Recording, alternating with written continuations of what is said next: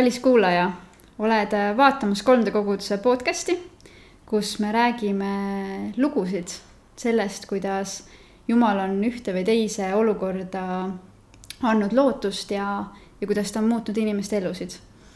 täna on meil külas Lisette. tere! ja oleme rääkimas toitumishäire teemadel. aga alustuseks, Lisette tutvusta ennast ja räägi lühidalt, kes sa oled ja kust sa tuled.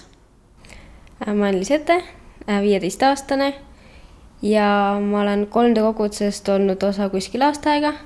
varem käisin vanematega samas koguduses ja olen väiksest peale käinud ka aktiivselt äh, pühapäevakoolis. okei okay,, sul on ühesõnaga kristlik taust ja selline terve pere taust, saan aru Äh, räägi, kuidas toitumishäire ehk siis äh, sinu puhul anoreksia sai alguse? Äh, no päris sellist algust on päris raske nagu öelda. et kui ma olin juba kuskil üheksa või kümneaastane, juba siis ma tegelikult uurisin nagu kaalu langetamise kohta ja pidasin nii-öelda plaani, et kuidas nagu alla võtta. aga ma arvan, et see, kust see nagu algus tuli, oli nagu sellest ja mõned inimesed nagu minu ümber Eh, hakkasid eh, noh, mind nagu noomima, et eh, ma peaks nagu tervislikumalt sööma ja et ma peaks nagu rohkem liikuma. ja siis nagu toodi võrdluseks nagu teisi, kes on siis minu arust, ma ei tea, peenemad, sportlikumad ja mõtlesin, et okei okay,, ma tahan nagu ka selline olla ja siis äh, ma hakkasingi iseseisvalt nagu tervislikumalt nagu toituma, nagu liikuma rohkem äh,. välisin enda menüüs siis sellise rämpstoidu, magusa mm. -hmm ma saan aru, et see, see oli mingi hetkeni tervislik sinu elus mm. aga mis hetkest sa ütleksid, et see kujunes haiguseks? no haiguse poole kujunes, äh, kui ma olin kaksteist pool kuskil. et siis ma hakkasin äh, kaloreid lugema ja mõtlesin, et noh, ma ei ole nagu piisavalt selles mõttes tervislik, et, et tahaks ikka, ikka rohkem ja rohkem ja siis äh, minu jaoks oli väga suur saavutus, kui ma nii-öelda jõudsin äh, alakaalu, mida ma tõlgendasin siis justkui nagu normaalkaalu. milline sa füüsiliselt, kuidas su keha füüsiliselt välja nägi või, või selles osas, kas teised inimesed ka märkasid seda, et? no ikka märgati, sest me saime koju nagu sellise rasvaprotsenti mõõtma, mõõtva kaalu äh, ja minu selliseks äh, päris lolliks eesmärgiks sai see, et ma tahan näha nagu, kui kaugel ma suudan nagu minna äh, ehk siis, mis siis saab, kui nagu minu kehas pole enam üldse rasva.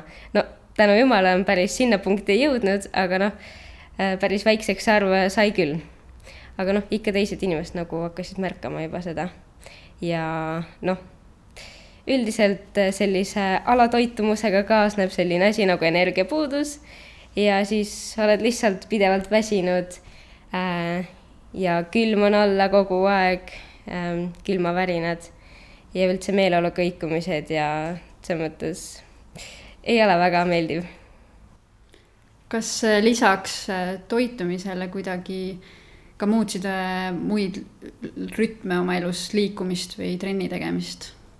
et kas seal sai ka midagi nagu määravaks äh,? ja sai küll, et see kogu see nagu haigus mõjutas päris korralikult seda, et äh, mul tekkis nagu sellised ärevushäired ja nagu paanikahood. mul oli nagu hästi raske selles mõttes muid asju ka nagu teha, sest ma tahtsin kogu aeg nagu äh, nagu kaloreid põletada, nagu võimalikult äh, vähe nii-öelda jääks neid kaloreid nagu mulle äh,. ja siis äh, lõpuks oligi niimoodi, et ma elasin põhimõtteliselt niimoodi või noh, proovisin elada nii, et iga minu nagu liigutus kulutaks nagu maksimaalselt enam-vähem nagu kaloreid ja siis äh, näiteks kui ma proovisin trenni teha, siis ma lihtsalt hakkasin nutma, sellepärast et äh, ma ei, ma ei olnud nagu enda jaoks piisav ja kuidagi tundsin, ma nagu pingutan liiga vähe ja siis lihtsalt see nii palju nagu mõjutas mind ja, ja üldse kõik muud asjad ka. Mm.. aga kui me oleme füüsilisest poolest rääkinud ja, ja sa oled ka maininud ärevust, paanikahooge, äh, kas kuidagi veel mõjutas äh, ka see emotsionaalne ja vaimne pool, et kuidas seda kuidas see sul selle haiguse ajal oli? Äh, no ma ütleks kohe ära, et äh, äh noh, toitumishäire äh, on äh, olnud minu elu üks kõige raskem äh, nagu katsumus. et enne nagu haigust oli selles mõttes kõik nagu hästi, et mul oli nagu energiat palju ja kõik üldse tuju oli nagu hea ja enesehinnang oli ka suht hea äh,. aga vaimse poole pealt äh, jah, et nagu meeleolu hästi nagu kõikus kogu aeg, et äh, läksin hästi kergesti närvi kõikide pisiasjade peale äh,. ja, ja lõpuks kuidagi ma ei leidnud enam nagu endalt mitte mingit väärtust ja siis oligi mingi periood, kus ma mingi äh, kas pool kuud või üks kuu olingi, ma ei tea, ei suutnud nagu voodist väga tõusta hommikul ja lihtsalt nutsin voodis ja äh, palusin Jumalat, et nagu mm, et ta võtaks mul need kõik koormad ära ja, või siis lihtsalt äh, nii-öelda viiks mind siit maailmast minema mm kas äh, kui me oleme rääkinud sellest poolest, et äh, see on, see on selles mõttes raske haigus äh, ja, ja tihti rohkem emotsionaalne võib-olla ja vaimne kui, kuivõrd see, et füüsiline on see, mida me näeme äh, selle haiguse puhul äh,. aga täna sa enam selle, täna sa oled selles mõttes on suur protsess olnud, sa äh,, sellest on mitu aastat möödas. et äh, räägi, kuidas see muutus tuli äh,, mis hetkest hakkas äh, hakkasid asjad paremaks minema um,?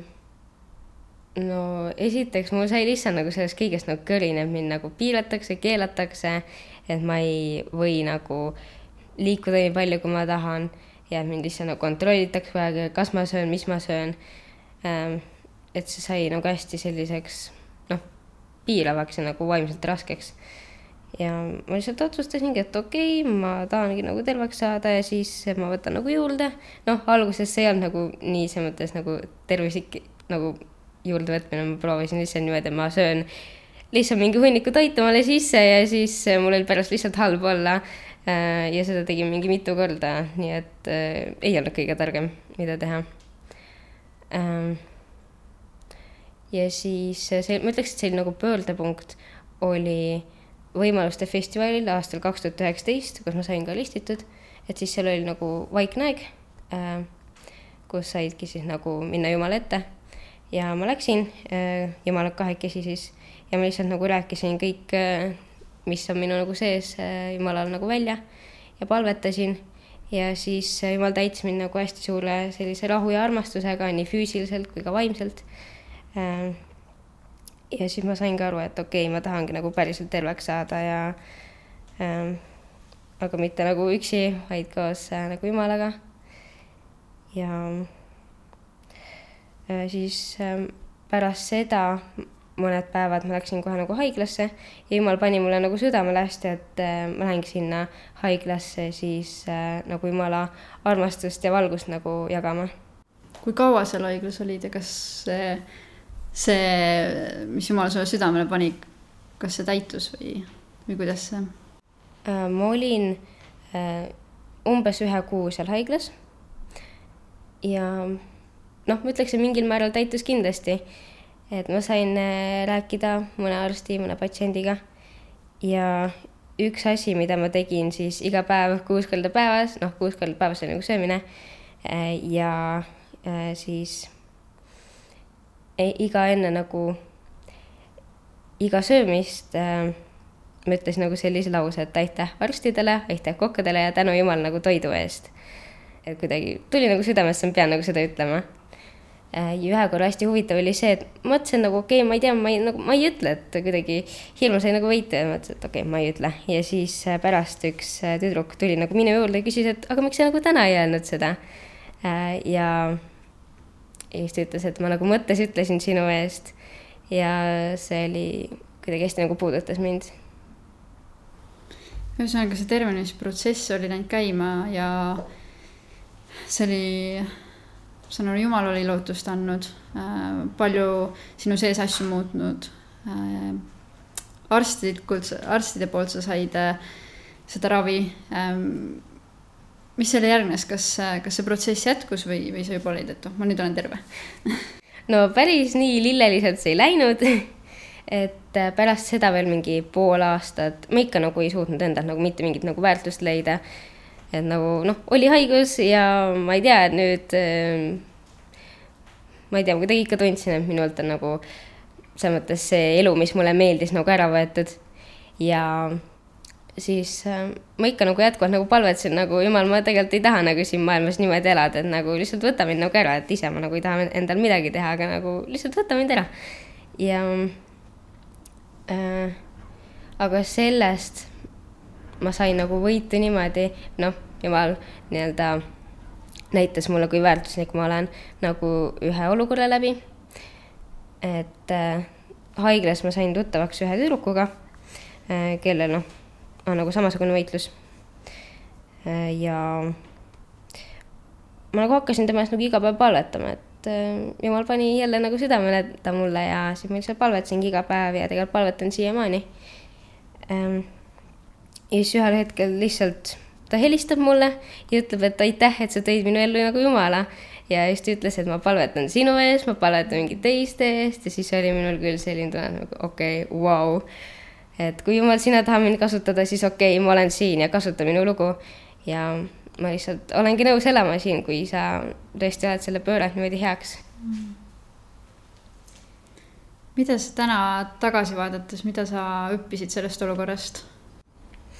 no kindlasti ma õppisin nagu Jumalat rohkem usaldama, sest äh, kui mina ei näinud selles olukorras mitte mingit nagu lootust, siis Jumalal oli kogu aeg see lootus ja tal oli suur plaan kogu aeg olemas, isegi kui mina seda ei näinud.